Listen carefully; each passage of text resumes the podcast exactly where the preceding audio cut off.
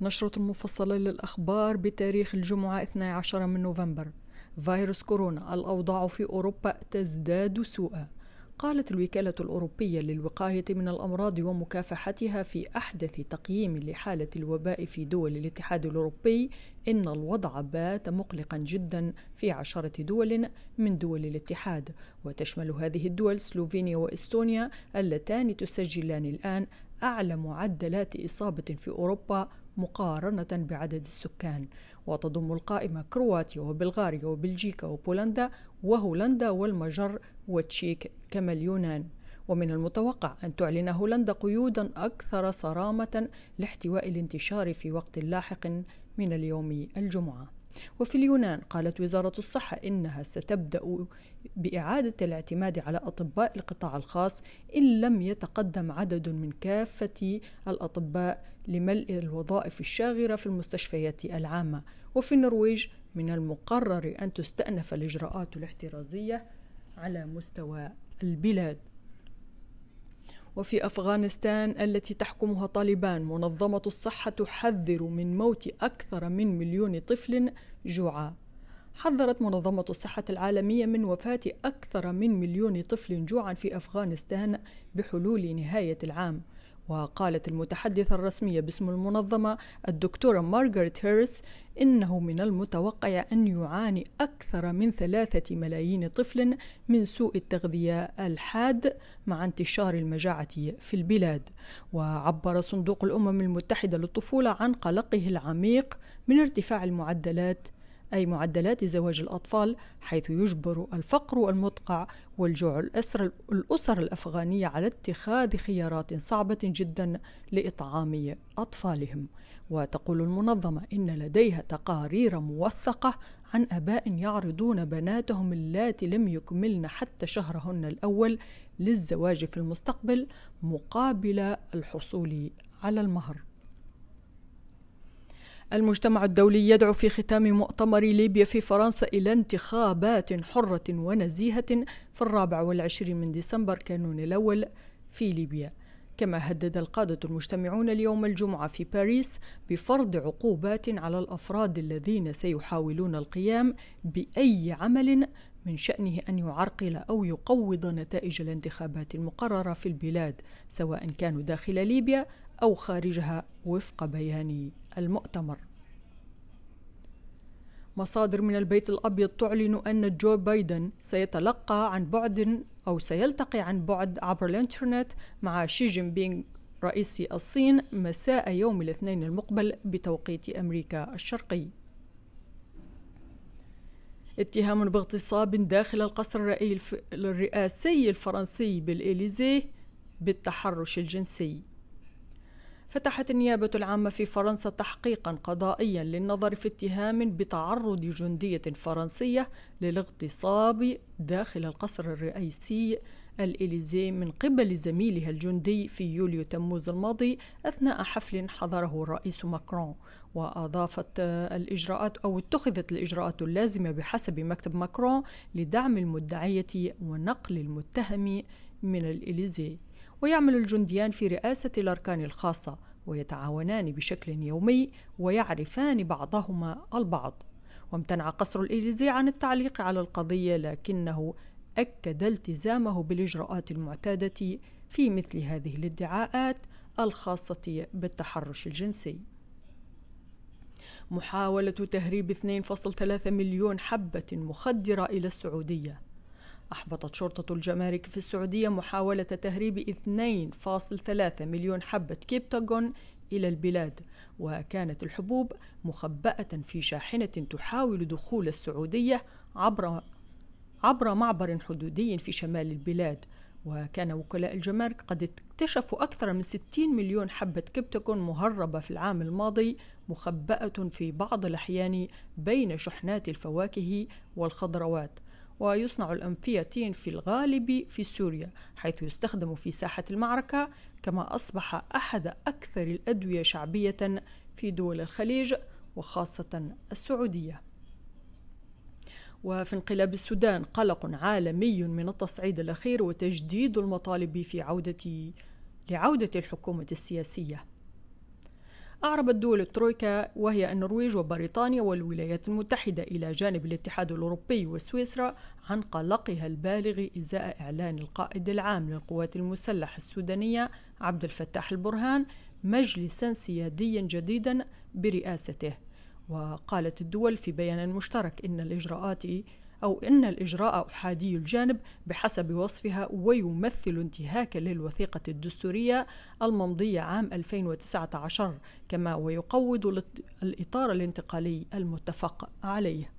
وأوضح البيان أن إعلان مجلس سيادة جديد يعقد أو يعقد جهود الانتقال الديمقراطي في السودان ويخالف تطلعات الشعب السوداني. ودعت تلك الدول الجيش إلى تجنب أي خطوات تصعيدية أخرى بحسب وصفها. كما دعت إلى عودة رئيس الوزراء المقال عبد الله حمدوك وحكومته والإفراج عن جميع المعتقلين السياسيين منذ استيلاء الجيش على السلطة في أواخر الشهر. الماضي. وأشارت الدول إلى أن الدعم الدولي مرهون بنجاح عملية الانتقال السياسي بموجب ما نصت عليه الوثيقة الدستورية.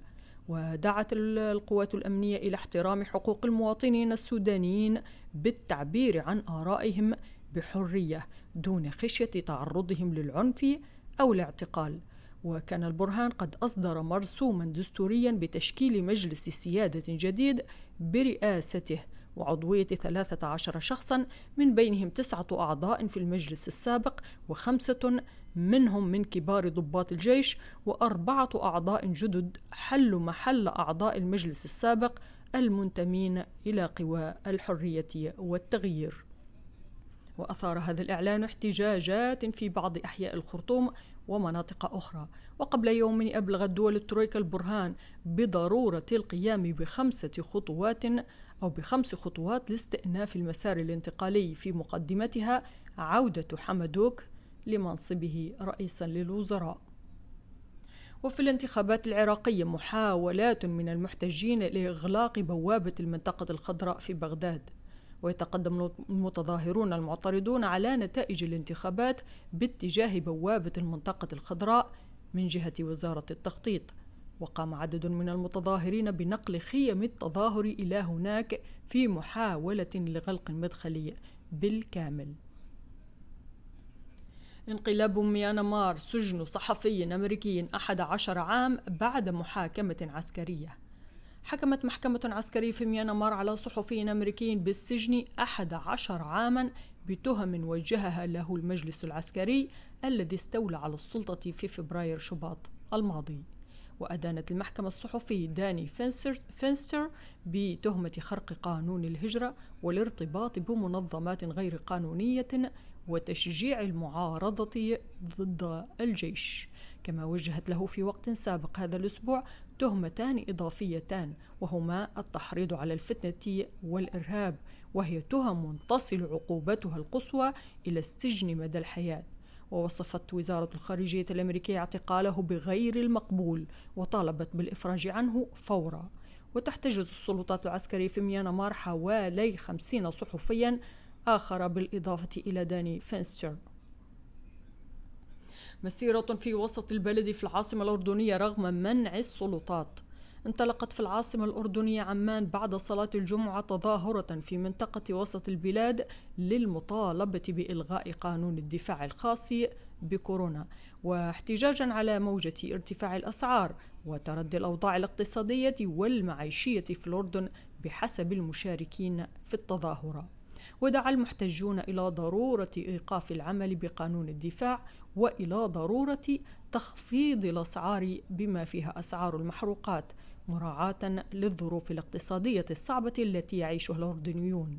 وكان محافظ العاصمة ياسر العدوان قد أكد في تصريحات إعلامية منع إقامة أي مسيرة لمخالفتها قانون الدفاع بسبب الوضع الوبائي.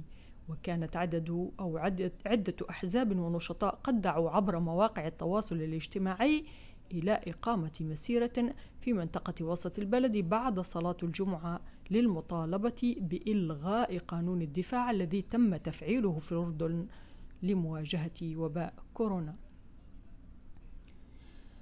بخصوص بريكزت لقاء بين بريطانيا والاتحاد الأوروبي لمناقشة بروتوكول إيرلندا الشمالية حيث يلتقي اليوم في لندن الوزير البريطاني المكلف بملف الانسحاب من الاتحاد الأوروبي مع نظيره في الاتحاد بعد أربعة أسابيع من المحادثات حول بروتوكول إيرلندا الشمالية.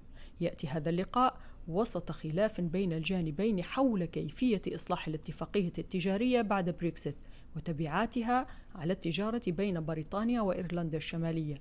وتسعى بريطانيا من أجل إعادة تفاوض جوهرية للمواد التي تتعلق بمرور البضائع بينها وبين إيرلندا الشمالية. وقد ألمحت إلى أنها قد تعلق أجزاء من البروتوكول المتفق عليه بموجب اتفاق التجارة مع الاتحاد الأوروبي. لكن الاتحاد حذر من أن خطوة كهذه ستؤدي إلى عواقب وخيمة وحث بريطانيا على الانخراط بجدية في المفاوضات. وأدت عمليات تفتيش البضائع الواردة من بريطانيا إلى إيرلندا الشمالية بموجب البروتوكول الذي يبقى على إيرلندا الشمالية جزءا من السوق الأوروبية الموحدة لتجنب خلق حدود فعلية بينها وبين جمهورية إيرلندا إلى تعطيل عمل بعض الشركات.